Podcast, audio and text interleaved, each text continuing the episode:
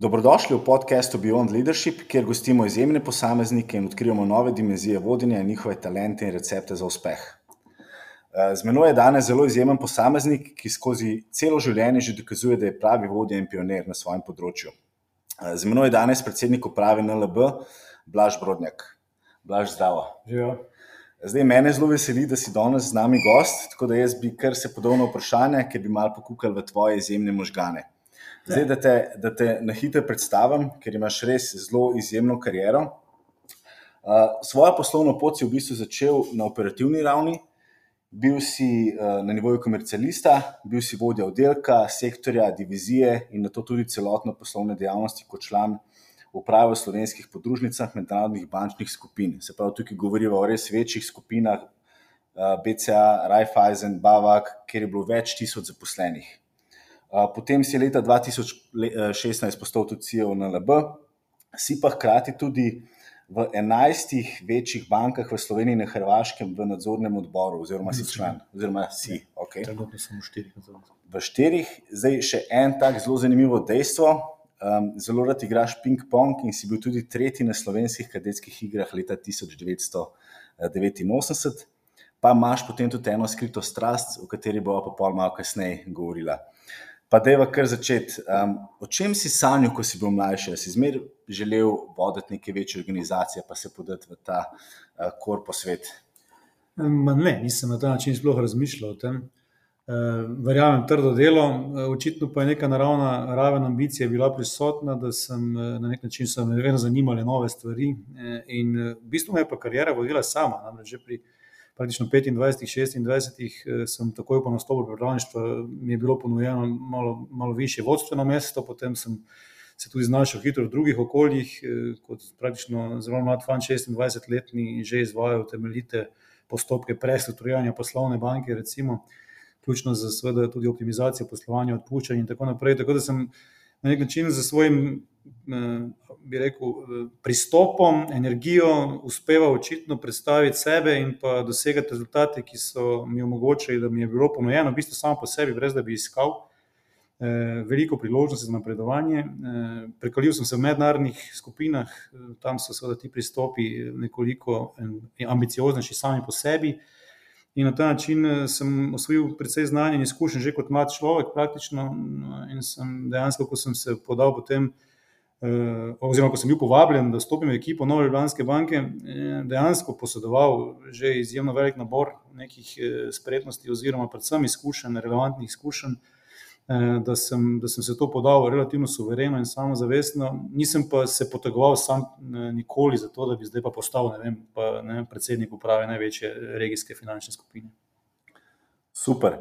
Um, zdaj, NLB je res naredila ogromen pod tvojim okriljem in okriljem tvoje ekipe, dosegli ste izjemne rezultate, verjamem, da jih boste še, še boljše, ambicije so kar, kar precejšne. Um, zdaj, NLB skupina ima 2600 zaposlenih v Sloveniji, samo, v Sloveniji samo. Uh, čisti dobiček v 2019 je bil skoraj 200 milijonov evrov, to so res, res ogromni, ogromne številke, ki so mogoče malo nepojemljive za, za Slovenijo.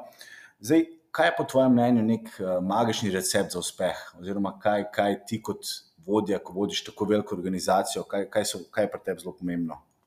Eh, na prvem mestu je trdo delo, predvsem pa seveda avtentičnost in energija, eh, absolutna predanost in ljudi, s katerimi sodeluješ, poskušaš ne, na, na njih prenesti to neko energijo, navdušenje nad projektom, ki se ga greš v danem trenutku. In to je mogoče doseči predvsem eh, z avtentičnostjo, torej da ljudje iskreno verjamejo in ti zaupajo, da to, kar počneš, počneš v interesu in v dobro družbe, in da dejansko si pripravljen žrtvovati marsikaj, tudi seveda velik del svojega zasebnega življenja, zato da lahko ta družba te cilje dosega. In uh, to je za me ključno, tudi ko se pogovarjamo o tem, s kom bi bilo primerno sodelovati, in me predvsem zanima energija in pa pripadnost. Eh, vsak človek, ki je vse poprečno učljiv, ne, bo spoznal vse zakonitosti posamečnih obrti, neodvisno od tega, ali gre za bančništvo ali kaj, kaj drugega. Za me je bolj pomembno to, koliko je pripravljen vložiti ne, eh, in napora, energije, in pa kako avtentično lahko se dejansko identificira sam s tem projektom, in potem dejansko, kot v nekem novem športnem moštvu, ne, delujemo kot ekipa in imamo največje cilje. To je tisto, kar v Sloveniji se mi zdi, je prisotno in v poslu, in v športu, absolutno. Ne. Naš cilj so olimpijske medalje, manj je temu tako morda v nekih drugih eh, družbenih sistemih, ne, ne, tudi v oblastnih strukturah in pa na izobraževalnem sistemu in že kje druge, se mi zdi, da ne, se zadovoljimo hitro z nekim poprečjem. Mene so vedno zanimali, pač kot rečeno, olimpijske medalje. Ne? Zdaj v tej regiji, ne, pač ne drugače, so mediteranski prvaki, so neki tisti, kar lahko dosežemo, in ne ve, zagotovo je, ne, ko gre za bančično mediteranski prvak. Ne. Zdaj, um, kot si že rekel, skupina ima skoraj 6000 zaposlenih uh, v Sloveniji, 2600, to so kar, kar velike številke. Ko si sprejel to vlogo, oziroma ko si se podal v te, v te čevlje, kakšen je bil občutek? Kako si se v bistvu tega lotil?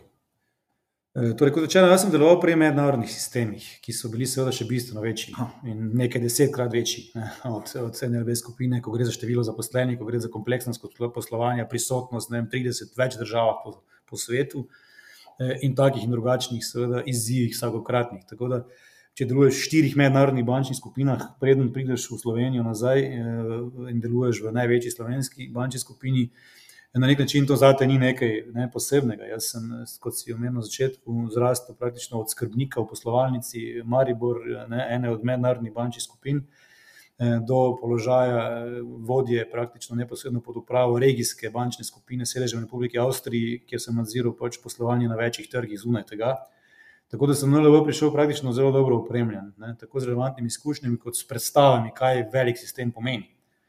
Eh, in me ni impresionirala toliko velikost. Eh, ne, še se mi zdi, da je dejansko v NLB-ju s tem, ko je fokusirana na točno določene trge ne, in je absolutni vodja v Sloveniji, veliko lažje bilo profilirati ne, neki nabor ukrepov, ki so potrebni uh, za takrat, seveda, banko v težkem položaju. Ne. Vemo, da je, bila, da je bilo potrebno resno prestrukturiranje, da je bila banka deležna državne pomoči takrat. 2,23 milijarde evrov smo prejeli državne pomoči, No, vmes smo od takrat, od leta 2011 do danes, praktično v javne blagajne že vplačali nazaj milijardo 800 milijonov in delež preostali Republike Slovenije v banki je ne, skoraj 200 milijonov vreden, tako da bomo mi bomo državno pomoč celoti povrnili v naslednjih letih. In to je tisto, kar me je gnalo recimo pri samem projektu. Verjel sem, da je mogoče ne, to hišo povrniti na pot uh, najuglednejše finančne institucije, kar je že nekoč bila, se pravi NLB je bila zagotovo najuglednejša finančna institucija v Sloveniji, eh, poleg verjetno zavarovalnice Trigla kot velikega ne, zavarovalničarja. Eh, in eh, je imela mes te težave, zaradi katerih je seveda, eh, danes precej stigmatizirana. Namreč deset let je bila praktično dežurni krivec ne, za vse, kar je šlo na robe v letih 2008 do 2004-2008 in kasneje. Če se spomnimo, ko se govori o luknjah, se govori predvsem o bančni luknji ne, in govori se predvsem v tej povezavi z NLB-jem in se opleta z NLB-jemi zastavami, praktično, ne, skoraj brez izjeme. In s tem se težko soočiti s to negativno publiciteto. Ampak na drugi strani smo s trdim delom dokazali, da se da tako hišo privatizirati. Danes imamo praktično v svoji lastniški sestavi najuglednejše svetovne finančne vlagatelje, od največjih 20 imen, najuglednejših 20 imen na svetu, praktično imate jih praktično 15 v našem lastništvu. Ne. In to je nekaj, na kar je človek dejansko ponosen. To je nekaj, kar je velik privilegij, ker se pogovarja z ljudmi, ki so globalni investitorji ne, in podajo v perspektivo določene stvari kako razmišljajo sploh o tem delu sveta, ne, kako razmišljajo o tvoji panogi, kje so tisti največji izzivi in ti dajo na nek način en stimulans, eh, ko te iz, izzovejo eh, s svojimi pričakovanji in ti tudi malo pomagajo pri usmerjanju in svojimi izkušnjami, se od njih učiš. Tako da je danes delovati, seveda, NLB ponovno eh, nekaj, kar je velik privilegij in je za nas, ki smo zdaj že 8 let v tem šovu, eh, prestrukturiranja, smo zdaj na novem koraku, s tem, ko je bil zaključen proces. Eh, prodaje zavarovalniške družbe Vita, eh, smo izvedli praktično in izpolnili vse zaveze Evropske komisije v okviru te državne pomoči. Kot rečeno, bomo to državno pomoč, sem pripričan, celoti povrnili. In eh, moje sanje so, da bo NLB ponovno najuglednejša institucija v državi in da bo še več najuglednejši zaposlovalec v celotni regiji našega delovanja. Super, jaz definitivno v to ne dvomim. Vem, da verjetno ste, ste, ste na zelo dobri poti. Um, Zdaj mi pa povej, se pravi, kot, ko imaš tako pomembno vlogo, koliko je pomemben ta faktor, da si ti delal v mednarodnih vodah, da si delal v tujini, da si dobil ta v bistvu večjo perspektivo, kot pa samo ta lokalni trg, ta mindset. Za me je to ključno. In za me je to ključno ne samo za delovanje v poslovnem svetu, ampak nasplošno. Se pravi, ko se mi pogovarjamo na, o načinu, na katerega delujejo drugi pod, ne, podsistemi te družbe, se mi zdi, da smo veliko krat ujetniki tega avtartičnega, šentorijanskega razmišljanja, da vse znamo sami in vse znamo bolje, in ne, nam ni potrebno pogledati čez planke. Ne. E, temu seveda vehementno trdim ni tako. Neprecenljive so izkušnje kolegic in kolegov iz tujine, neprecenljive so izkušnje, ki jih sam pridobiš, ko greš na, ven iz države. Ne. Sam sem se zadnje deloval tudi v Avstriji, fizično ne. In po celotni regiji zunaj tega dela sveta in izmenjeval izkušnje s kolegi, ki globalno poslujejo. In kot rečeno, danes, ko govorim z investitorji, z investitorji, našimi vlagatelji, so to seveda globalni ne, igravci, resne institucije. In na ta način z vsakim takim pogovorom samo srkam, samo, samo upijam ne, informacije, ne, upijam izkušnje. In to je nekaj, kar je za me osebno neprecenljivo in je nujno, če se želimo v tem globalnem konkurenčnem svetu pozicionirati kot nekdo, ki ima neko težo.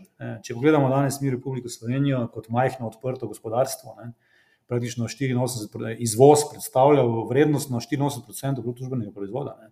To je ena od najbolj odprtih gospodarstv na svetu.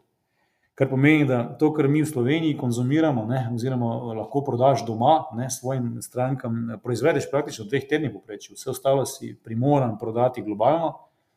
Ne, če niso bili to lokalne storitve, kot je vem, frizerstvo in podobno, ne, gostinstvo, moraš seveda prodajati globalno. In potem je edino, kar te seveda diferencira od ostalih, to, da si pri isti ceni kakovostnejši, ne, ali pa si pri isti kakovosti cenejši. Zelo preprosto, tekmujemo z znamkami Made in Austria, Made in Switzerland, Made in Germany. Mnogi samo to vidijo, ampak ne, mi tekmujemo z znamkami Made in Hungary, Made in Slovakia, Czech Republic in Poljska ne, in Poland. In to so nekateri, ki smo, si, ki smo jih mogoče gledali malo po strani do nedavnega, ampak pogledajte si razvoj višegrajske skupine, ne, s kontinuirano, praktično neprekinjeno rastjo zadnjih petnajst let, ne, medtem ko smo imeli deset let izgubljenih, ne, realno smo bili na ravni bruto družbenega produkta, realno leta dva tisoč osemnajst, ne, tam, kjer smo bili leta dva tisoč osem. Medtem ko so oni seveda nadomeščali ves ta čas za razvojni razkorak, ne. In danes seveda so po kupni moči, pariteti kupne moči Čehi že pred nami, ne, Poljaki in Slovaki pa neposredno za nami, ne. Tako da se težko posmehujemo temu delu sveta, ne, še več, jaz mislim, da seveda z njimi tekmujemo realno. In če pogledamo, kaj je potrebno, smo mednarodno konkurenčni, je zame to zelo preprosto. Bodisi zadržimo v tej državi ne, največje talente tega naroda in jim ponudimo možnost delovanja na način, da bodo lahko vodje v nekih solidnih podjetjih, ne, ki bodo jih razvijali naprej, ali pa seveda pripeljemo od zunaj tovrstne talente, ki so sposobni slovenske znamke in slovenske storitve pozicionirati v bok najboljšim na svetu. Ta gap, Made in Austria, ne, primerjavi z Made in Slovenija, zagotovo zahteva diskont. Mi nismo na tej ravni ugleda in splošne prepoznavnosti, zato moramo biti, kot rečeno, pri dani kakovosti cenejši, ker pa težko tekmujemo s ceno, ne, pri sedanji, ne, ker želimo seveda imeti določen standard, imeti solidne plače, imeti seveda, ne, za naše prebivalstvo boljše pogoje bivanja in kakovost življenja, potem ne moremo tekmovati s ceno. Se pravi, da lahko tekmujemo s kakovostjo, če želimo pa tekmovati s kakovostjo, potrebujemo pa talente, ki so vsaj tako dobri kot v Avstriji, ne, in v teh drugih državah. Kar pomeni, da moramo razumeti, da je edini legitimni nacionalni interes majhnega odprtega gospodarstva, kot je slovensko, mednarodna konkurenčnost. In to pomeni, da moramo delovati na vseh sistemih, od davčnega sistema do izobraževalnega sistema in vseh drugih, na način, da bomo, kot rečeno, tu izoblikovali in tu zadržali oziroma sem pritegnili, ne, v deficitarnih, ne, panogah najboljše ljudi.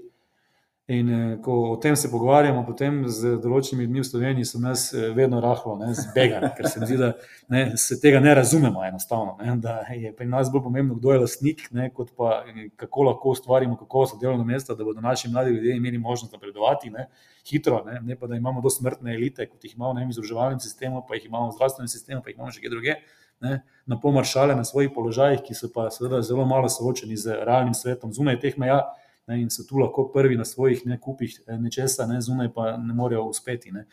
In to je nekaj, kar Sloveniji moramo narediti preboj. In moramo razumeti, da je kakovost pomembna, da so talenti tisti, ki štejejo, in da jih moramo seveda, ne, ponuditi priložnost, da bodo to državo peljali naprej, kamor si zasluži. Prepričan sem, da je s svojim geografskim položajem v srcu Evrope, ne, z dostopom do Jadranskega morja in zalednimi državami lahko zgradimo neverjetno razvojno os, povezave Koper-Gdansk in, ne, most do Balkana in na drugi strani do Višegrajske skupine je neka vzporedna razvojna os Evrope, kjer smo mi lahko gonilna sila in V preteklosti recimo, smo ne, ta višji grad in Balkan dali malo na stran, ker smo se predvsem povezovali na ta nemško-francoski vlak, ampak tje, tam, kjer se mi lahko diferenciramo in kjer lahko mi ponudimo dodano vrednost, je pa ravno to področje. In jaz vidim tu ekstremne priložnosti in panoge, kot so logistika in tako naprej, so nekaj, kar nam je v genih zapisano kot naravna konkurenčna prednost. Zdaj, ker tako le poslušam in tudi vem, da naši poslušalci bodo zelo hvaležni, se krvi tako ogromno znanja imaš, kako res žariš, kako imaš res nekaj know-howa, ki si ga pridobil. Zdaj, dotaknemo se vse uh, talentov. Zdaj, ogromno je bilo tudi nekih, uh, ko bi rekel, tematik, da ogromno mladih talentov odhaja ali v tujino ali v druga podjetja. Kako pa prvi zadržite ali pa prepoznate mlade talente? Uh, torej, proces upravljanja s talenti je znan samo po sebi ne, in je v bistvu najzahtevnejši, najpomembnejši del uh, leadershipa. Ne. Ena stvar je management, kjer se ukvarjamo tehnično s tem, kakšne rezultate dosegamo ne, in kakšnimi ukrepi. Druga stvar pa je, da ustvarjamo vodje in ustvarjamo eksperte, ne, ki bodo ta posel razvijali in peljali naprej in ga diferencirali od drugih tovrstnih ponudnikov. In recimo v Novi Ljubljanski banki imamo zdaj že skoraj 44 let star lastni izobraževalni center, ki je eden redkih takih v tej regiji, ki ponuja ogromno vsebin na to temo. Na drugi strani pa že sam proces izbire talentov je nekoliko kompleksnejši, zato dolgotrajnejši, ampak seveda si želimo pritegniti našo sredino eh, res tiste, ki lahko pripeljejo dodano vrednost. Ne. In moram reči, da je eden od največjih dosežkov privatizacije, ne, potem, ko je bilo postalo jasno, da to več ni družba v državni lasti ne, in ko je postalo jasno, da aha, morda pa zdaj. Eh, pristopi negativne kadrovske selekcije, ki veljajo v javnem sektorju, ker si bodi si pripadnik eh, po Excel tabeli, kakšni partijski interesov ali pa kakšnih drugih interesov, ne, parcialnih. Eh, se mi zdi, da danes ljudje razumejo, da je to družba, ki kotira na londonski borzi, ki v kateri deluje upravljalski organ, ki ga sestavljajo v nadzornem svetu, res ugledni posamezniki iz tujine. Da nas zadnji v upravi, sem jaz edini slovenec in imamo v sebi kolege iz Nemčije, Avstrije in Češke, ki smo vsi skupaj ne, se dokazali v mednarodni bančni skupini, vsak med nami je deloval v vsaj treh bankah, v vsaj treh različnih državah v preteklosti, prednji je postal dejansko član uprave te institucije eh, na svojih področjih pristojnosti. Eh, tako da to je ena od najbolj relevantno zasedenih upravljalskih organov v regiji, če me vprašate, na drugi strani, in to že samo po sebi pomeni neodvisnost od teh lokalno specifičnih procesov negativne kadrovske selekcije. Ne. Mhm. Eh, kar pomeni, da dejansko nas zanimajo ljudje, ki razmišljajo svojo glavo, tako imenovani independence of mind, se pravi neodvisnost duha in imajo seveda relevantne izkušnje in pa znanje, predvsem pa da imajo to, kar sem na začetku omenil, energijo in avtentični interes to družbo ne, in to skupino razvijati v regijskega šampiona. E, in taki, ki so se pripravljeni učiti, pripravljeni trdo delati, in tudi to možnost ponudimo preko naših izobraževalnih procesov, kot rečeno, izobraževalnih programov, ne, na zadnje lahko preko izmenjave znotraj skupine in pa seveda kroženja znotraj same banke, eh, pridejo do zelo širokih spoznanj in znanj, ko gre za finančno industrijo in finančne storitve. Kot rečeno, NRB skupina je univerzalna finančna skupina, kar pomeni, da ponujemo seveda vse finančne storitve, ne samo klasično bančne, tudi zavarovalne storitve ne, in pa naložbene storitve. Smo, ne vem, če to večina ve, tudi največji upravljalec premoženja praktično v državi. Ne. Imamo skoraj 34-stotni tržni delež pri upravljanju vzajemnih skladov v državi in to smo razvili praktično iz nič, ne, z družbo NLB skladi v zadnjih 16-17 letih. V bančnem zavarovalništvu, zavarovalnica NLB Vita je bil, praktično ima 15 stotni, danes je to Vita zavarovalnica, ne, vlasti Savere, ampak še vedno smo mi ekskluzivni kanal za njihove storitve, ima praktično 15 stotni tržni delež pri klasičnih življenjskih zavarovanjih in tudi to smo razvili iz nič organsko kot banka. Ne. Se pravi, mi smo dejansko distributer univerzalnih finančnih storitev in še več, imamo mednarodno dimenzijo, delujemo v šestih državah, in s tem, ko smo podpisali pogodbo o nakupu komercialne banke in verjamem, da bomo do konca leta tudi uspešno zaključili ta posel, bomo v šestih državah naše prisotnosti, vseh praktično med tremi največjimi ponudniki eh, bančnih storitev. No. In to je sistemska regijska pozicija, ki ni para praktično. Ne? Ehm, težko boste našli eh, kakršno koli podjetje, ki bo v šestih državah imelo top tri položaje. Ne? Eh, in delujemo v regiji, ki je zelo specifična, namreč tu ni globalnih ne, igralcev. Tu ni velikih globalnih bank, ni ameriških, angliških, nemških, po umiku so se te generale, tudi ne francoskih. In mi smo edini praktično v tej regiji, ki delujemo na vseh teh trgih. Eh, in imamo tu sedež, kar pomeni, da imamo tudi srce in glavo, in da smo izključno fokusirani strateško na te trge. Ne, zdaj, za koga je morda to manj zanimivo, za koga je morda področje jugovzhodne Evrope ne, eh, manj atraktivno kot je Amerika. Ne. Za nas, ki pa smo se rodili na dan Jugoslaviji ne, in smo eh, eh, čitali stripove ne, in gledali iste filme ne, in navijali za iste ekipe, Je pa to nekaj, kar je izrazito atraktivno, ravno zato, ker je v konkurenčnem smislu ne, veliko priložnosti za razvoj posla in ker seveda razumemo in jezike in govorimo jezike, razumemo kulturo, mentaliteto in na ta način lahko ustvarjamo bolj pristne odnose eh, in smo dolgoročno uspešnejši. Tako da eh, je to to, kar bi, kar bi na to točko lahko dodal. Se pravi, NLB ima izjemno robustno stroj eh, in daje veliko možnosti za razvoj karier na eni strani, na drugi strani je pa predvsem pomembno, s kakšno energijo in s kakšnim interesom ne, in koliko je nekdo pripravljen vložiti v razvoj samega sebe. Omogočamo veliko možnosti, ampak ne sam mora biti pripravljen, ne, pa mora biti pripravljena eh, dejansko ne, narediti veliko, zato da potem lahko ne, se pripelje do točke, ko postane eden od ključnih ljudi te, te skupine. Ne. Zdaj, ti imaš eh, zelo, zelo impresivno kariero. A nam lahko upaš, kaj je bil tek, te, nek trenutek, ki te je zaznamoval, ki te je streljal, ki je bil, da lahko rečeš, to je bilo pa to. Je bilo pa to. Takrat sem pa dojel ali pa dobil ogromno znanja. Uh, najbolj odčiljen je verjetno bil, ko sem bil imenovan v upravo zavarovalnice Triglo, pa nisem dobil dovoljenja agencije za zavarovalni nadzor za upravljanje funkcij člana uprave zavarovalnice Triglo. uh, ob popolnem prepričanju, da sem absolutno primeren za to funkcijo. uh, to je bil za me recimo šok, To je bil za mene en reset, ne, če, želit, ne, če želiš. Ne. To je bilo nekaj, kar, kar me je dejansko zbegalo do te točke, da sem moral en mesec, ne, potreboval en mesec, da sem prišel k sebi. Uh, ampak sem se relativno hitro sestavil in sem rekel, ok, to je to, to je message. Uh, biti imenovan v najpomembnejšo zavarovalno družbo na Balkanu, ne, v upravo in potem ne biti pripoznan kot primeren, je ena povratna informacija, ko se človek resno vpraša, ne, what went wrong, ne, kje, kje se je zaromilo. In uh, sem razmišljal, bolj kot sem razmišljal, sem ugotavljal, da morda ni, ni razlog samo v meni, ampak da je razlog tudi v tem, da si v tej državi na nekaterih pomenih pozicijah eh, ljudje niso predstavljali neodvisnega uma. Njegova, ki je absolutno neodvisna od parcialnih interesov, tako ali drugačnih, takšnih ali drugačnih, političnih ali poslovnih in ki je pripravljen in, eh, in, in dejansko želi delovati izključno v interesu družbe, ki jo kot zakoniti zastopnik zastopa skladno z zakonom o gospodarskih družbah. Eh, in takrat sem dejansko se odločil, da glede na to, da sem bil na tako pomemben položaj imenovan in nisem bil prepoznan kot primer, ne, eh, verjetno v Sloveniji zelo težko ne, razmišljam, da bi v kratkem ne, lahko računal na nekaj primerljivega. Zato sem se odločil, da enostavno se vse za nekaj časa iz Slovenije omaknem. In takrat sem en, en mesec razmišljal, kje bi prepoznal primeren projekt, in sem zaznal primeren projekt, kjer je dejansko šlo za izjemno zahtevno prestrukturiranje bančne skupine. In sem poslal predsedniku uprave, takrat, eh, ki je nastopil na novo ta položaj, eh, pismo, v katerem je pisalo ponudba za sodelovanje. In v tem pismu sem analiziral njihov problem in sem jim predstavil svojo rešitev tega problema. Roku dveh mesecev sem podpisal pogodbo in potem prevzel dejansko položaj neposredno pod upravo te mednarodne bančne skupine za področje celotne regije. Ne. Tako da tu je treba vseeno malo samozavesti, v končni fazi, ne, malo eh, razmišljati izven škatle in ne, razmišljati, ok, če ne Slovenija, ne, kje. Ne, in za enega slovenca v Avstriji, ne, pa še na, Koroški, na Koroškem v Avstriji, ne, ni intuitivno, da pomisliš najprej, ne, ja. da je to nek nek najboljši izbor, ampak sem dejansko želel prepoznati projekt, kjer lahko jaz prinesem s svojimi izkušnjami in znanjem. Ne, kot sem omenil na začetku, od 25 let dalje sem delal kot ne, v prestrukturiranju, pa vse čas v nekem šoku, pa greenfieldu, pa ne, vse čas neko preoblikovanje in konstantne spremembe.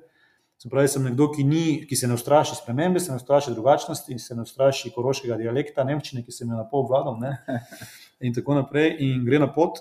Eh, in takrat sem se dejansko odločil, da se Slovenijo ne vrnem realno. Takrat sem razmišljal o tem, da zdaj, okay, zdaj dve leti krožke, potem pa iščem pot na Dunaj in mora biti še kam drugam, za seboj potegnem družino s svojimi tremi otroki ne? in soprogo. Uh, in sem rekel, Slovenija se vrnem izključno pod enim pogojem, da se pojavi projekt, kjer lahko aktivno spremenjamo okolje te negativne selekcije in uh, zadovoljevanja s povprečnostjo in neambicioznosti in tako naprej. In uh, da seveda je drugi pogoj je pa ta, da je ekipa pri takem projektu za me spremljiva. Mm. No, takrat se je pojavilo povabilo za Novo Ljubljansko banko, takrat je izgledalo, da bo šlo na pohitrem postopku v privatizacijo in da bo ne, tudi prejemki in vse ostale stvari na tržnih ravneh. No, pa se je izkazalo, da je potem trajalo kar nekaj časa, preden smo do te točke prišli. Ne? Ampak, seveda, če se pogovarjamo o tem, kje lahko aktivno vplivaš na profesionalizacijo in normalizacijo okolja, potem je to zagotovo sistem velikosti. Ne, Nove Ljubljanske banke, mi upravljamo 70% slovenske gotovine, 40% vseh plačil v tej državi gre čez banko, ne, tretjina kartičnih plačil, ne, dve tretjini bankomatske mreže in tako naprej zalagamo in upravljamo. Ne. V tem smislu je to nekaj, kar je zagotovo seveda to vrstni vzvod, ne, če dodamo še pa regijsko dimenzijo, dimenzijo pa ohranjamo ne, tudi mednarodnost. Za me je bilo zelo pomembno, da ohranjam nek mednarodni potencial in tudi ne, pregled in da lahko delujem čez meje Slovenije na eni strani, na drugi strani pa gre za, in to sem se pa, to, to sem se pa na neki točki odločil dejansko v svoji karieri, da ne bom deloval več v hčerinskih družbah, da želim delovati na sedežu družbe. Zato, ker tam imaš dejansko možnost kreiranja. V hčerinskih družbah, globalnih, nekih multinacionalnih sistemov, so zelo predpisani, dejansko gabariti in okviri, ne, okviri eh, kjer, kjer, kjer moraš ti na nek način usmerjati svoje delovanje in fokusirati svoje delovanje. Če želiš pa razmišljati kot nek razvojnik, pa imaš dve možnosti. Ali deluješ kot podjetnik, ne, ali pa dejansko imaš možnost delovati na sedežu družbe, kjer si ti kot vodstvo odgovoren za kreiranje strategije in eh, izvajanje strategije ne, celotnega sistema. In to je privilegij, kar se mene tiče. Če se deluje v večjih mednarodnih skupinah, je zelo pomembno za me osebno, da delujem tam, ne, kjer se dejansko dogaja kreacija, ne, kjer se ustvarja, kjer se definira eh, ambicijo, ne, kjer se razmišlja, ne, če želiš, ne, kot, eh, po zemljevidu in usmerja svoje aktivnosti po zemljevidu širšega obsega, kot pa ne, zgolj samo kot profit center ne, neke mednarodne skupine. Um, povej mi, ali si imel ti v življenju kakšno osebo ali kakšnega mentorja, ki ti je na poti svetoval, ki te je mentoriral, ki ti je motiviral, takrat, ko si rabo podporo? Veliko ljudi je dejansko, jaz sem imel veliko vodi, v končni fazi sem deloval praktično v sedmih podjetjih na 13 položajih. Ne, vsakega sem se pa svoje učil. Ne, zdaj nisem imel strukturiranega koča, recimo, ali pa nekoga, ampak v nekih takih malo bolj zahtevnih trenutkih je to bil zagotovo oče. Ne, on je bil karjerni menedžer in je tudi sicer izkusil mnogo, mnogo stvari v življenju, in sem se tu in tam posvetoval z njim. Sicer pa je za me izjemno pomembna stabilnost uh, v okviru družine, tam me na nek način drži po konci, da vem, da je tam vse v redu in da se mi s tistim ni treba ukvarjati. Ne. Jaz sem svojo soprogo, sva partnerja 31 let, ne, imala tri otroke, najstarejši je star 20 let. In se podpirala vzajemno v življenju skozi, teh, skozi to dolgo obdobje, ne desetletji. In v tem smislu sem precej konzervativen tip. Ne. Jaz eh, ne vidim zadovoljitve v instantnih nekih stvareh.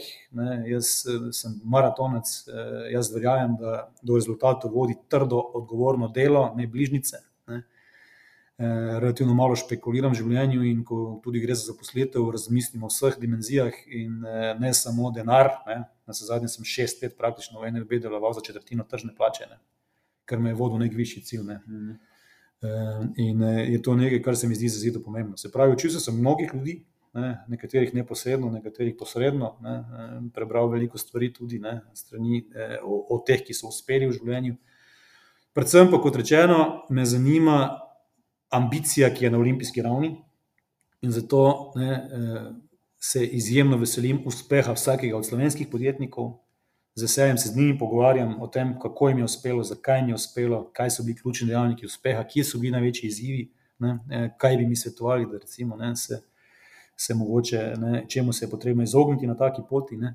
V Sloveniji se mi zdi, da smo eh, pri, pri tem nekem zavistnem značaju, ki ga imamo, ne, eh, ko opredeljujemo praktično vsakega podjetnika, ki je uspel iz garaže kot tajkuna ne, in ga je treba obdavčiti maksimalno, namesto da bi razumeli, zakaj jim je uspelo in se od njega učili in mu pomagali. Ne.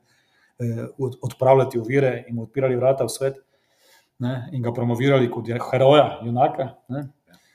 Eh, tu smo mi, kot slovenci, malo ne, čudaški. No. Zato smo verjetno obstali kot narod, dvomilijonski z vlastnim jezikom, ne, na zahtevnem geografskem območju, ne, kjer je most med različnimi deli sveta, ampak nas pa to omejuje. V tej neki šentrujanski logiki, da enostavno nismo sposobni se razvijati hitreje in postavljati si večji ambiciji. Ne? In kot družba, kolektivno, ne, ustvariti več in potem lahko seveda delimo bistveno več. Ne.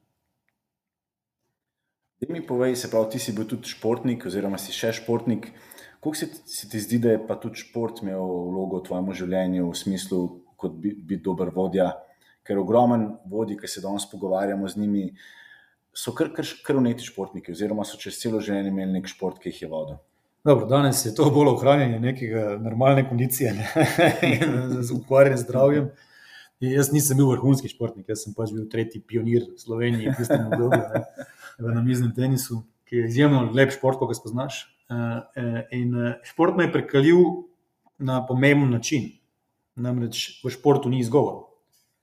V individualnem športu pa sploh. Ja, V kolektivnem športu se še lahko malo skrijemo za ekipo, pa smo skupaj odgovorni, ne ti si slabo podal, jaz sem slabo streljal. Ne? V namiznem tenisu ne? si pa tistih 21 žogic takrat, zdaj pa 11, ne? moral prej zadeti ustrezno kot nasprotnik. In eh, ko je šlo, je šlo, ko ni šlo, ni šlo. In, ne, ob zmagah smo se skupaj veselili, v porazih si bil pa sam. Ne. In ne, te oče prej malo pofotal, če se ne primerno uvedel v porazu. Ne. Tako da individualni šport je absolutno prekaljen način, da veš, da ni izgovorov.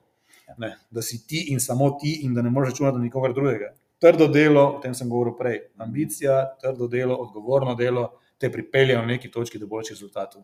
Tudi sam talent ni dovolj ne, vrhunski, za vrhunski šport. Na kreativni ravni talent dovolj, na vrhunski ravni talent ni dovolj. Ja. Treba ga je podpreti ne, z bolj ali manj zelo trdim delom. Ne. To te šport nauči. Ne. In na drugi strani, kar je za mene še izjemno pomembno, zakaj tako trdno podpiram ta izjemno plemenit projekt Šport mladih v Novi Ljubljanski banki kot ne, projekt družbene odgovornosti. Da dejansko naučimo mlade ljudi, še posebej to generacijo 500 všečkov na dan, da življenje niso samo zmage ne? in da življenje ni vse, kar narediš, ne samo po sebi odlično. Šport te nauči prvič, ne sploh kolektivni šport, delovati, seveda tudi v kolektivu, ne? Razumeti, da ni vse samo od tebe, vedno odvisno, ne? oziroma da ne? nisi ti edina zvezda. Ne? Eh, na drugi strani pa te s tem, ko so porazi, ki ne minovno pridejo, ne? tudi sestavni del življenja. Absolutno.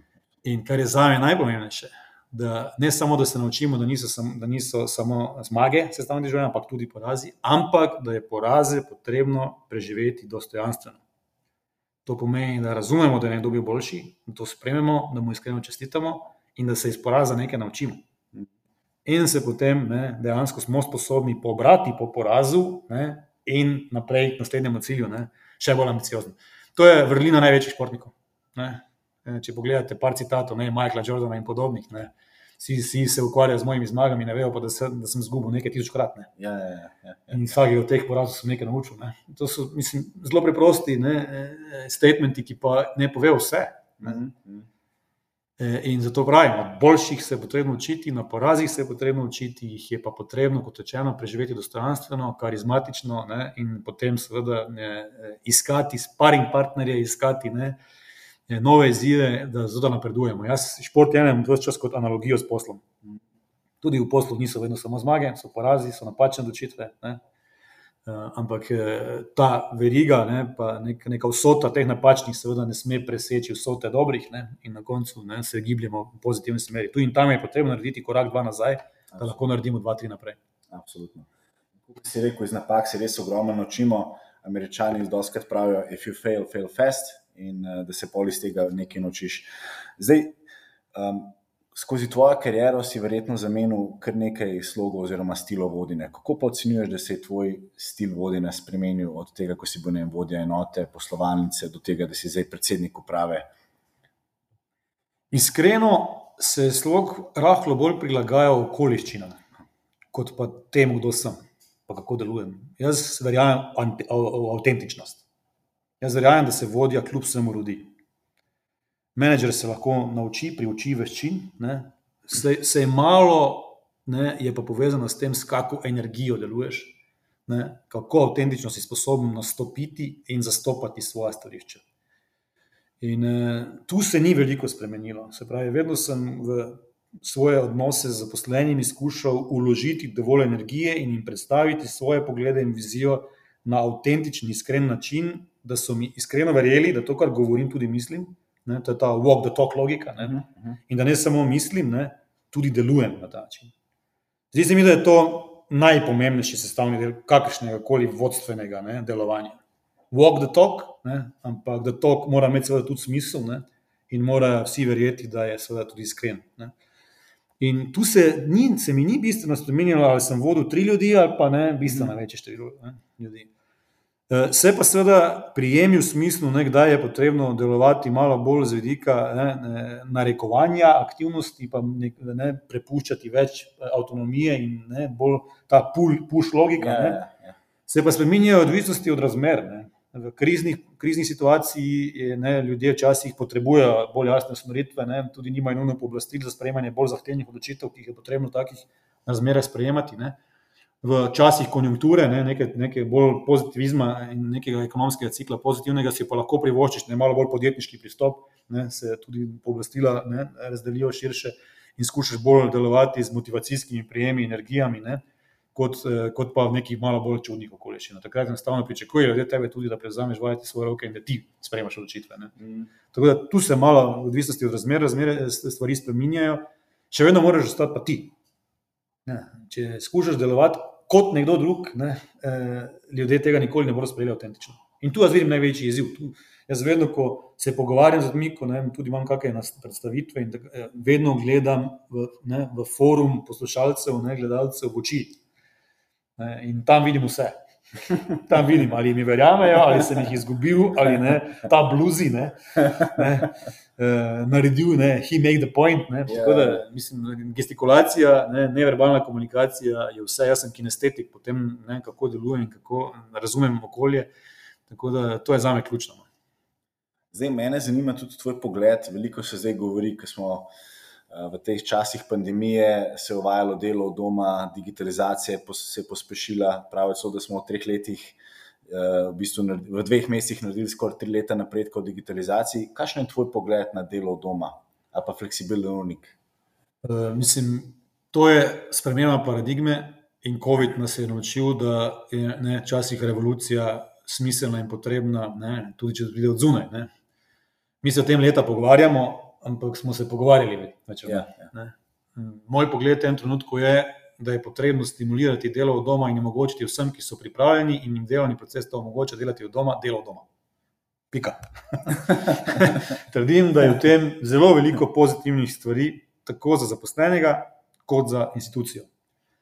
Seveda to ne pomeni absolutno izključitev iz socializacije, ne? to pomeni, da je enkrat tedensko, recimo, ne, absolutno smiselno za me, da se zaposleni srečajo s svojim vodjem in se dogovorijo za razpored nalog ne, za tisti teden. Potem je pa izboljšanje kakovosti življenja za tiste, ki delajo doma, ne, ekstremno. Ja. Dejansko ekstremno. Ne samo zato, ker je prilagodljivejši. Ne. Mi zdaj ugotavljamo izkustveno. Absentizem je padel na tretjino. Zato, ker pač slovenci smo, ne, vsi malo vrtičkali, pa vsi malo nekaj okrog hiše upravimo, ne, pa tu in tam kako bolniško ne, ja, ja. postimuliramo za to, da ne, opravimo tiste dve uri. Ne. Zdaj to opravimo doma in hkrati delamo. Ja, ja. In se pač delovnik dostigne iz tretje na četrto, peto, šesto, sedmo. Ne? E, po drugi strani pa je seveda dejansko ni e, transporta na delo, ja. ki lahko za tiste, ki se vozijo dlje, ne, predstavlja ne, tri ure. Ne? E, dejansko je s tem manj stroška, manj nevarnosti. In podjetje na drugi strani, seveda, lahko prihrani veliko ne, pri stroških samih nepremičnin, ne, prostora fizičnega, ki, ki ga mora zagotavljati, in tako naprej. S tem se povečuje izkustveno tudi zadovoljstvo, sami, sami ljudje ugotavljajo, da so produktivnejši, da, ne, e, e, da so lahko fleksibilnejši. Tako da je tu volk sit in koza cela na obeh straneh, ne, tako za zaposlene, kot za podjetje. Seveda so pa naloge, ki jih ni mogoče na ta način izvajati. Ne, ja. Nekoga v poslovalnici ne, tega ne more izvajati od doma. Ampak moja vizija bi bila, da bi že konec tega leta ne, maksimalno mogoče število mojih sodelavcev in sodelavcev delalo doma. Zdaj, seveda, tu imamo zakonodajni vidik in tu skušamo tako preko Združenja bank in seveda preko nekaterih drugih teles držav se pogovarjati z zakonodajalci, da bi vzpostavili tu vseeno malo fleksibilnejši režim. Namreč vemo, da moraš imeti seveda tudi doma zagotovljene ustrezne pogoje, ne, ustrezno delovno površino, osvetljenost, ne, eh, zvočni hrup in tako dalje ne, in nekatere druge podporne mehanizme. Ampak, če zagotoviš primerno opremo in pri tem delodajalec zagotovi ne, ustrezno eh, eh, opremo za delo, ne, in po, ustrezne povezave, je to nekaj, kar je absolutno v korist obeh strani. Tako da jaz sem absolutni promotor, kot rečeno, kdorkoli le lahko deluje nadaljavo, mislim, da mu je to potrebno omogočiti. Na koncu je to še vedno oboje stranska odločitev, mm. jasno, ti ne moreš nekoga prisiliti. Ne? Uh, ampak uh, z največjim veseljem bomo podpisali anekse pogodbom, ki bodo to ljudem dovolili. Seveda pa to pomeni, da ne morejo pričakovati, da bodo imeli pa podvojeno infrastrukturo, ne, da bodo pa še vedno čakali fiksen delovni prostor. Ne. To pomeni, seveda, tako imenovana vroča delovna mesta, ne, ja, ja. za katera se moraš prijaviti, verjetno naprej preko aplikacij in tako naprej. To pomeni, da je tudi omejen seveda, čas, ki ti je na razpolago za delo na fizično na lokaciji, na sedežu družbe in tako naprej. Ne. In to je ena nova paradigma, ki nam prinaša, poleg tega, da izboljšuje kakovost življenja, tudi ekstremne ne, eh, prihranke, potencijale za prihranke in povečanje učinkovitosti delovanja. Predstavljate si, da recimo ne, zdaj, in to, to sem ravno s svojimi sodelavci zadnjih dneh govoril o tem večkrat. Ne, ja, pa če zdaj centraliziramo neke naloge, pa to zakaj pomeni, da zdaj bomo ljudi iz Morske sobote v Ljubljano vozili. Ne, pa jim skušamo razložiti, pozabite fizično lokacijo. Yeah. Ja. Postala je irrelevantna. Yeah, ja, yeah. Delali bodo doma. In zdaj si predstavljate, kakšno povečanje učinkovitosti, ko bodo lahko ne, ne po logiki ne vem, eh, kontaktnega centra, ne, pipeline managementa, neke vrste ticketing sistema, če želiš, ne, pokrivali celotno Slovenijo doma. Ne. Ja, ja. Zdaj je nekdo vem, v celju pokrival celske operacije, zdaj bo pa lahko, če bo imel čas, pokrival tudi kopro, ko bo tam recimo, ne, nekdo zaseden in obratno. Ne zmanjšanje absentizma, povečanje potencijala, ker na nacionalni ravni od doma lahko deluješ ne, in tako naprej. To prinaša velike, velike priložnosti ne, za, za, vsa, za vse, praktično za vse poslovne aktivnosti. Ne. E, vprašanje je, kaj bo to pomenilo za trg poslovnih nepremičnin, to bo čas pokazal. ker, ne, če to pomeni, da vsi to počnemo, koliko bomo potrebovali danes pisarn. Ampak, e, kot rečeno, za način delovanja, e, dinamiko ekip, ne, učinkovitost, je pa to izjemna priložnost in v Novi Ljubljanski banki bomo nagovorili maksimalno intenzivno in poskušali stimulirati. Zdaj, moj srednjeročni cilj je bil, da bi dejansko 70% ne, ljudi, odvisno od tega, koliko poslovalnic bomo imeli, ne, dejansko delovalo doma. Super. Tukaj se pogovarjam z uh, osebami, ki imajo manjša podjetja, ki vodijo manjša podjetja, ki so locirani v Ljubljani. Se zdaj v bistvu odpre tudi ogromen pul mladih talentov, ki niso locirani v Ljubljani. Tako da dejansko lahko potem iščeš talente tudi izven svoje regije. Ne? In Slovenije. In Slovenije, ja, točno tako. Um, zdaj, glede na to, da je NLB skupina res ogromna, 6000 zaposlenih, v Sloveniji 2600, kako pa pol prve take spremembe skomunicirate? Ker verjetno je to pol kar, kar mehaniziv. Mislim, najbolj je bilo opazno neka negotovost, ne? ker ljudje na prvo žogo mislijo, da zdaj pa v bistvu pomeni, da grem domov, ne? kar pomeni, da sem daleč od oči in sem s tem daleč od srca, in naslednji korak je, da bom brez zaposlitve. Ja. Mislim, to je ta strah ne, pred ja. spremembo. In, in s tem se seveda soočamo na način, da komuniciramo, da je temu še zdaleč ni tako. Da skušamo zasledovati oba cilja, in, ne, od mojega nagovora vsem zaposlenim ne, do Eh, pisnih sporočil na to temo, do procesa, ki je reguliran na ta način, da ne, bomo seveda osebno oziroma preko najetja zunanje agencije validirali osebno delovna mesta doma, ne, podpisali ustrezne anekse k pogodbam za poslitvi. Seveda, na začetku je prisoten strah, ne, eh, ampak vedno manj je tega. Eh, je prisotnega, ko vidijo ljudje, kako dejansko to funkcionira. Zdaj, ta COVID nas je dejansko pripeljal do tega, da smo bili primorani to izkusiti. Ja, ja, ja. In so imaš seveda še vedno skeptike, ne, ampak veliko več zaznavam pozitivne energije in ljudje to pozitivno sprejemajo. In ko bodo začeli dejansko delovati na ta način bolj intenzivno, ker zdaj se seveda vračamo na zdaj normalno del, način delovanja, ker je potrebno, kot rečeno, vsa ta delovna mesta seveda ustrezno ne, validirati, certificirati, ne, da ne bomo kršili zakonodaje. Ne. Najprej smo delovali samo zaščitno, kar je bilo nujno potrebno, se pravi, zdravje je bilo na prvem mestu, zdaj pa seveda absolutno spoštujemo zakonodajo. Ne in če ne bo sprejem zakonodaj, potem bomo šli po tej poti, ne? da bomo ustrezno najprej seveda izpeljali proces validiranja teh delovnih mest, nekaj mesecev bo to trajalo in potem ne, gremo na ta oddaljen način delovanja. Tako da, kot pri vsaki spremembi, je najprej prisoten strah ne? in eh, jaz ne bi. Ne? Ja, ja. Eh, podporna okoliščina je, da je bilo to obdobje treh mesecev dejansko, da jih je veliko število delovalo na ta način. Ne? Drugo pa je, da ko bodo prvi začeli, bodo drugi začeli zaznavati to, ker se ljudje med sabo govorijo. Seveda. Ja. Tako da jaz sem absolutno pozitivno eh, nastrojen do tega in eh, velik optimist, da bodo ljudje to tudi pozitivno sprejeli in da bomo vsi skupaj od tega imeli velike koristi. Zdaj, jaz mislim, oziroma se po mojem strinjam z mano, da smo Slovenci res izjemen, zelo inovativen, talentiran narod, ogromno idej imamo. Tako da me zdaj zanima, glede na to, da smo mi dva v bančništvu kako si lahko v tem sektorju inovativen, ker ponovadi vsi na bančništvu gledamo kot zelo tak nek zaprt ekosistem, zelo tak rigiden. Kako ste lahko vi inovativni, pa digitalni, pa napredni? E, torej, e, ena stvar je, kako razumeš bančništvo, ne? ali je to zdaj vloga pa kredit, ne? E, ali je to univerzalna finančna storitev. Ne? Mi želimo seveda razložiti svojim strankam, da ponujemo univerzalne finančne storitve. To pomeni, da če so enkrat ali dvakrat v življenju na točki, ki urejajo stanovansko vprašanje, mi jim želimo pomagati pri urejanju stanovanskega vprašanja. Eh, se pravi, da razmišljamo bolj o celovitih rešitvah. Ne? Če razmišljajo o recimo, dolgoročnem vrčevanju, bodi se šolanje otrok, bodi se za pokojnino in tako naprej, želimo delovati kot svetovalec, ne? kjer skušamo razumeti njihov profil tveganja, njihovo nagnjenost tveganjem ne? in dogovoriti dejansko ne?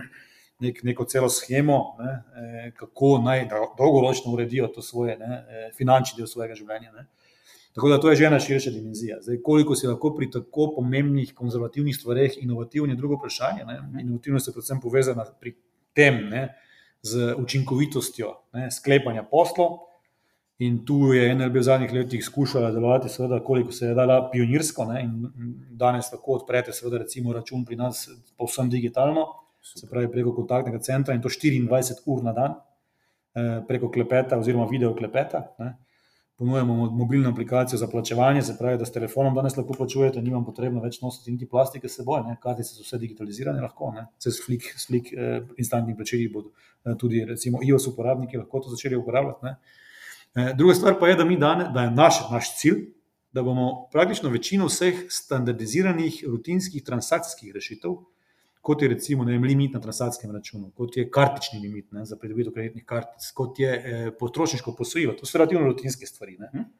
Eh, ponudili dejansko 24 ur na dan preko mobilne aplikacije, eh, eh, samodejno, se pravi, ne, od začetka do konca procesa digitalno. Mi že leto in pol ponujamo recimo potrošniško posojilo tudi do 30 tisoč evrov za nekoga, ki izpolnjuje seveda ne, kreditno sposobnost.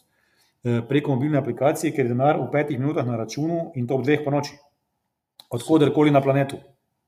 Vse, kar potrebujete, so mobilni podatki. Ne? E, to je nekaj, recimo, kar ponujemo, in do konca poletja računamo, da bo se lahko pri nas odprli račun digitalno, se pravi 24 ur na dan digitalno. Drugo vprašanje pa je, seveda, ali lahko računamo na sprejeme zakonodaje. Namreč, recimo, Nemška banka, ki v Sloveniji deluje, ne, lahko izvede video identifikacijo in vam v tistem trenutku že tudi odobri kreditno kartico. Nam to ni dovoljeno v Sloveniji. Se pravi, računamo, da bo prišlo do sprejeme zakonodajnega okvira, da bomo lahko tudi mi preko video autentifikacije sklepali tudi kreditne posle. Se pravi, zaenkrat to potrošniško posilo, ki sem ga prej omenjal, ponujamo ja. strankam, ki so že naše stranke in ki so že identificirane ne, fizično. Ja. Ja. Moj cilj je, da lahko seveda stranka, ki je moja nova stranka, ki pri meni odpre račun ne, prvič, lahko takoj izdam kreditno kartico in potem naredimo korak dlje od recimo te nemške banke, ki vam potem pošlje čez en teden plastiko ali pa kovinsko kartico, ker vam v istem trenutku omogočimo, da si v našo mobilno aplikacijo NLB Pay, ne, se pravi, mi imamo mobilno denarnico, takoj naložite to kartico in vam po SMS-u pošljemo PIN, to že počnemo, kot edini mm. po SMS-u dobite PIN.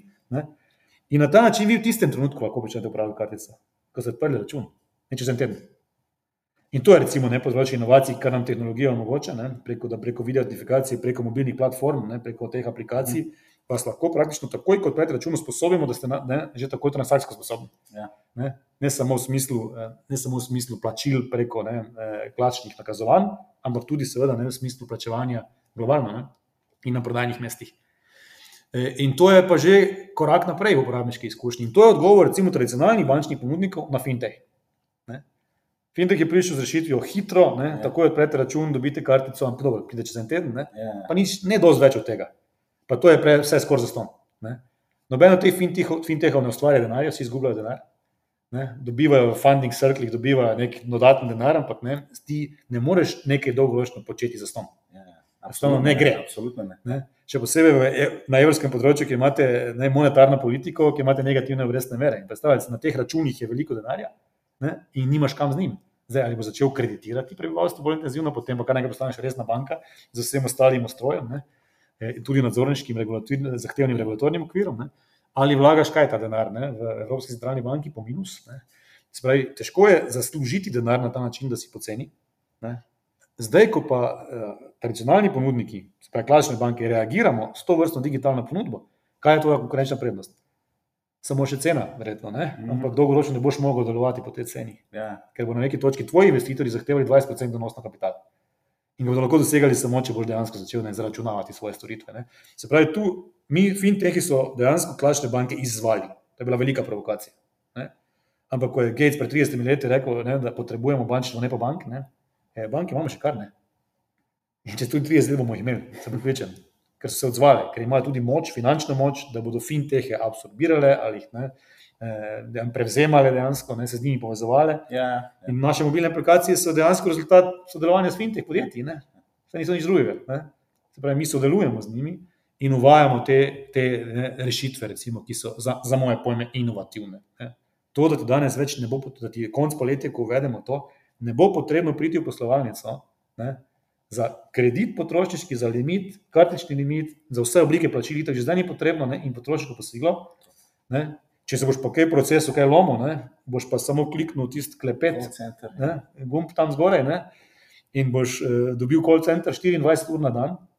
Mislim, to je revolucija, ne, se Ja. ja. ampak ne, od treh po noči boš lahko sklenil posel ne, z banko. To je revolucija od tistega, ne, To banke so odprte inovativno, ja. 4 ure na dan ne, Ja, ja, ja. in moraš za tisti stekleno steno ne, Ja, ja. svoje, svoje povedati. Ne. Kako se ti pa zdi, da smo zdaj v tem času, si pravi, da ena večjih prednosti, ki se je opazila, je tudi ta naš digitalni napredek. Kako misliš, da smo zdaj ratali bolj kartično ozaveščeni, da uporabljamo več aplikacij, eh, online plačevanje? Torej, Marce je na prilas gledalo, da imamo preboj, ne, da bomo zdaj kar naenkrat brez keša. Ne. Zdaj, v mojih hči tam eh, deluje v enem lokalu, pa streže stranke ne, eh, prek študentskega servisa in je rekla: Fotor, to ti moram pa povedati, ne, ker eh, ti, si, ti me naskakuješ s tem NLBP-jem, cel cajt, pa da jaz na elektronskem telefonu plačujem, ker sem tudi promotor tvoje firme. Ne. Je rekel, ti bom povedala, od 30 mladih mi je 29 plačalo z gotovino. Ne, tako da očitno nismo predrli, ne, še za enkrat. In je to zelo zanimivo področje.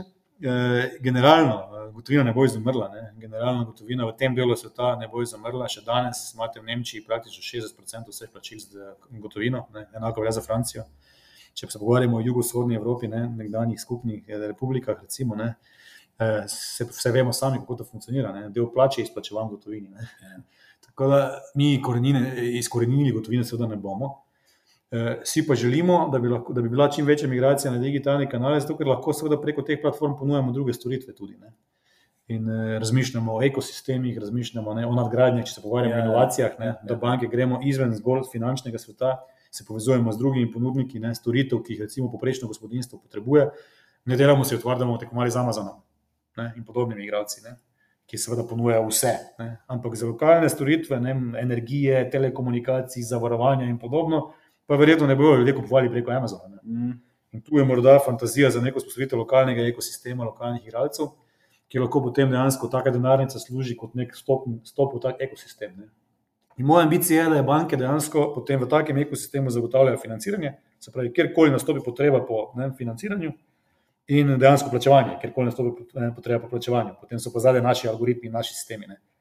To je moja ambicija, čist ne, kako bo, ali bomo pri tem uspeli ali ne bo čas pokazal, ampak eh, to je vizija in mi se s tem ukvarjamo. Imamo celo strateški projekt, ki se imenuje Marketplace Innovation, To, to. ne, Marketplace slash Innovation. Tako da želimo biti inovativni in za nas, kot rečeno, ni samo Slovenija, ampak je cela regija. Ne. Če lahko postavimo neko regijsko platformo, regijsko relevantnih ponudnikov, ne, potem je to nekaj, v čemer se lahko razlikujemo, recimo od Absolutno. italijanskih, avstrijskih, mađarskih bank. Super. Zdaj, jaz absolutno te moram sprovocirati in tudi načeti temo o uh, kriptovalutah oziroma digitalnih valutah, ker me res zanima tvoje mnenje. Tako da lepo prosim, če mi deliš, kakšno mnenje imaš o, o kriptovalutah, pa če imaš kakšno vlasti. Uh, nimam nobene vlasti. in eh, to me sprašuje veliko ljudi, ne, kako je imel mnenje NLB kot institucije in Blaž Brnek osebno o tem. In seveda, zdaj, eh, razumeti moramo, da gre za naložbeni razred. Razumeti moramo, da je to pač ena od potencijalnih naložb, eh, ki pa ima rahlo neposrečeno ime. ne, je kripto, ne, za valuto je pa treba izpolnjevati tiste tri klasične pogoje, ki jih valuta mora imeti, ne, da je stabilen hranilec vrednosti, da je splošno sprejemljivo plačilno sredstvo in tako naprej. Ne. In eh, temu seveda ni tako za nobeno od teh valut. Ne. Bili so poskusi, ko bi naj postale bolj masovno ne, uporabljene, ampak na koncu potem vidimo, da niso ne, na mnogih prodajnih mestih zaživele kot plačilno sredstvo. Na drugi strani pa je težko govoriti, da so stabilne, stabilno silec, hranilec vrednosti, če imamo volatilnost ne, 50-stotno v kratkih časovnih intervalih. Ne. Tako da mi to jaz to jemljem seveda kot eno od eh, legitimnih naložbenih priložnosti, pri čemer pa bi odsvetoval komorkoli, da večji del svojega premoženja vlaga v to vrstni naložbeni razred. Namreč, eh, seveda po logiki ne dajem vseh jajc v eno košaro, ne, je lahko del eh, recimo špekulativnega portfelja povezan s tem. E, trdim, da je potrebno seveda razprašiti svoje premoženje, ne, nekaj tudi v gotovini, oziroma denarju, nekaj imeti za nek, nek akutne primere v likvidni obliki, ne, bodi si, da se ti kaj zdravstveno zgodilo, pa kaj drugega. Ne. Nekaj v nepremičnina, verjetno, nekaj seveda v vzajemnih skladih in globalno razpršeno, ne, nekaj med delniškimi naložbami, nekaj obvezniškimi naložbami in tako naprej.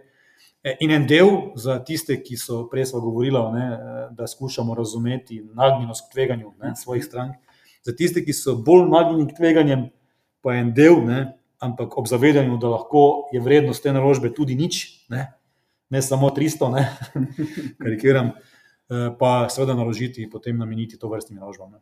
Okay. Zdaj me pa zanima, jaz bi rekel, da je tvoj urnik mora biti zelo intenziven. Tako da, če mi malo poveš, kakšen je dnev, ponedeljek ali pa en dan eh, v tednu od, eh, od Blaža, kakšen je tvoj dan? Eh, kdaj se začne, če malo konkretiziramo? Odkar imamo te čudne napravice, ne, ki imajo funkcionalnost e-mailov, odkar imamo pa še te pametne naprave, mobilne ne, telefone, ki pa imajo še druge kanale komunikacije, ne samo e-maile, ne, različne. Ne. Jaz mislim, da uporabljam pet ali šest različnih kanalov za komunikacijo. Ne. Se pravi, poleg klasičnih sporočil, mobilnih ja, ja. omrežij, še vseh drugih socialnih ne, možnih kanalov komunikacije so delovniki spremenjeni na način, da jih niso fiksni, ne? najprej generalno gledano, ne? in je se tudi manj odvisno od eh, dejansko od lokacije. Ne? Ja, danes sem imel recimo, en, en tak klic eh, s sedmimi udeleženci, ki sem eh, seveda ga vršil preko telefona, ne? pa so bili v štirih državah. Ne? In to je mogoče izvajati praktično v katerih koli času dneva. Ne? Tako da se ta fleksibilnost dneva bistveno raztegnila. In je to malo večji izziv, seveda, za upravljanje z zasebnim eh, življenjem, je pa na drugi strani to večja priložnost. Zato, ker enostavno se lahko, ne, pa imam neko obveznost, mogoče zasebno, ne v petih, pa potem naredim en klic ob sedmih, ali pa osmih, ne, pa devetih. Ne. Eh, kot prej, ko si bil vezan bolj na pisarniško infrastrukturo, pa si vesel ne, 12 ur tu. Mhm. E, tako da je delovnik praktično, je, ne, če gre za akutne teme, imamo 24 ur na dan, ne, če gre za kaj bolj predvidljivega, je pa realno gledano, ne, si praktično vse čas on. Ja, Zdaj, ali to de, pomeni delo ali ne pomeni delo, ne? prileti mi neko sporočilo ob desetih in ne, govorimo ob deset, trideset začer, ne? ali je zdaj to moj delovnik ali to ni moj delovnik. Mislim, jaz sem dejansko ne ločujem med, dejansko med zasebnimi službami. Tudi ko sem na dopustu, se ne izključim, zato ker mi je bistveno teže se vrniti potem po 14 dneh, 3 tednih. Ne? In jaz dejansko službe ne jemljem kot nek nepremostljiv presežen stres. Za me je ključno, da si ljudje ne, dejansko delujejo na delovnem mestu, kjer je seveda stres prisoten, ker te stres sili, ne, v, da si boljši, da se spremeniš, da se učiš. Ampak mora biti tudi tak, ta pozitivni del tega stresa prisoten, ne, da sklepaš vem, dobre poste, da ti je ja, ja, ja. uspelo, da je nek projekt bil ne, odlično zaključen. Ne. In to je nekaj, kar te napaja s pozitivno energijo. Se pravi, imaš ti negativno obliko stresa in pozitivno obliko mhm. stresa. Ne. In če je to v nekem ravnovesju, ne, potem delo ni breme. Ne. In potem tudi dolgi delovniki, načeloma, niso breme. Ne.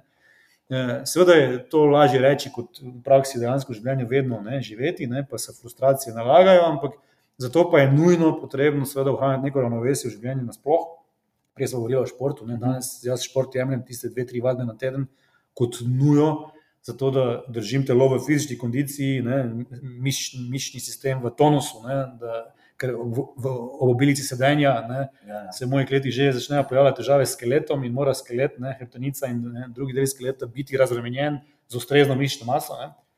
Druga stvar je prehranjevanje, seveda, ne, eh, kjer skušam tudi ohranjati neke, neka razmerja, ne, da se prehranjujem uravnoteženo in ne, ne, ne, pres, ne presežno. Ne. Eh, psihoaktivne substance, tega se tudi moramo zmerno posluževati. Eh, teda je dejansko ne, biti danes eh, uspešen poslovno zahteva pač širše delovanje, ne, eh, oziroma razumevanje širše slike. Ne. Če želiš dolgoročno delovati pod takim pritiskom in pod takim ne, bremeni, potem moraš jih razumeti na način in sprejeti na način, da ti niso izključno negativno breme, ne, ampak da je tudi pozitivni elementi stresa, ne, da po teh težkih trenutkih pridejo pa tisti pozitivni, ki vtehtajo vse težke. Ne. In uh, zato moraš imeti pa neko kritično maso takih projektov in se ukvarjati s temi, seveda, ki ne, te napajajo z neko pozitivno energijo. Ne. Na drugi strani pa kljub vsemu uravnotežiti svoje življenje. Ne. Ne govorim samo o ravnovesju med družinskim in službenim, govorim tudi o tem, da dejansko poskrbiš zase, da si stabilna osebnost, tudi celovito gledano. Enostavno zdravo živiš. Če želiš zdravo delovati v poslu, moraš zdravo živeti. Absolutno. Ja. Um, zdaj pa pa še malo na tak bolj zabaven, recimo oseben del. A imaš kakšno, ne vem, naj serijo, naj knjigo, naj zvrst glasbe, um, kakšen podcast, kaj rad bereš? Iskreno, čisto iskreno. Pač berem vse, kar mi pride pod roke. Ne. Relativno manj klasičnih knjig, zato ker danes vse dostopno online. Uh -huh. ne. In me bolj zanimajo mogoče posamične teme. Ne. Nimam dovolj časa, da bi vem, se lepo slovja poslužil, pa prebral 300-stranski roman. Ne. E, tako da me bolj zanimajo vem, strokovne teme, me zanima neka konkretna materija in danes je to online skozi filtre razne ne mogoče doseči. Ne. Tako da, ko me nekaj vsakratno zanima, e, to pogledam, z veseljem si pogledam, kak film za nekega posebej izbranega nimam. Ne. Res pa je, da sem pa eh, svojimi otroki in celotno družino velik ljubitelj rock glasbe, to pa absolutno. In mi, naši dopusti zadnjih deset let so bili praktično 8 do 10 rock koncertov na leto. Uh, top. Eh, s TD-jem iz Sevnice, ki organizira te koncerte, so, smo potovali praktično po vsej Evropi in smo videli vse največje svetovne rock bende v zadnjih desetletjih.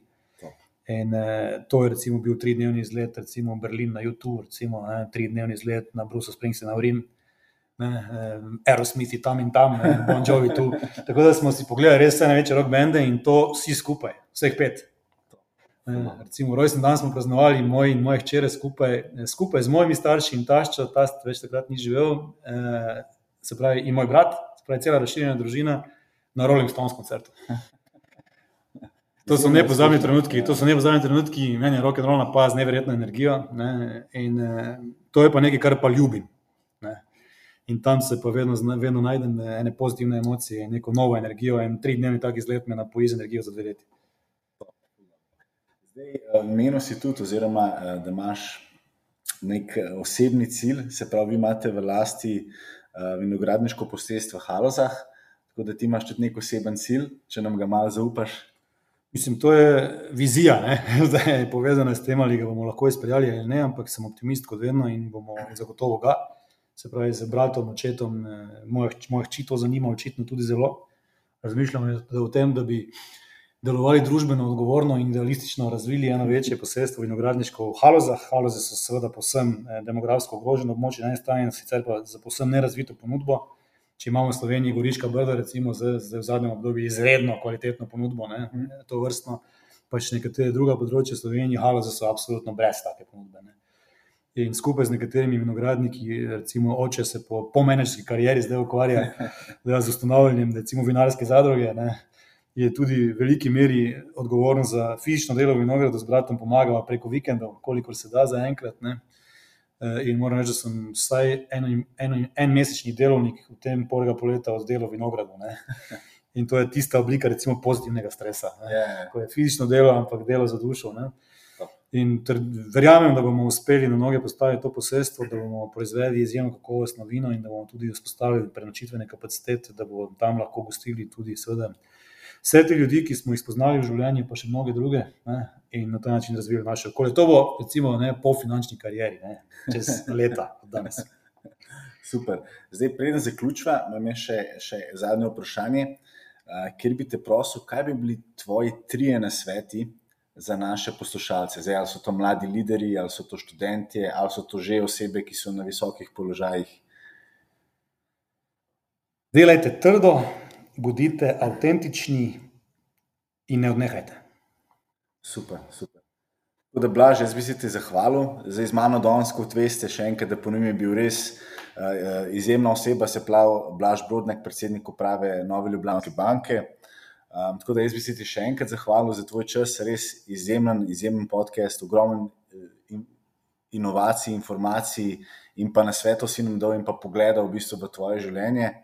Um, tako da najlepša hvala. Hvala tebi, Mark, in lepo zdrav vsem slovenim.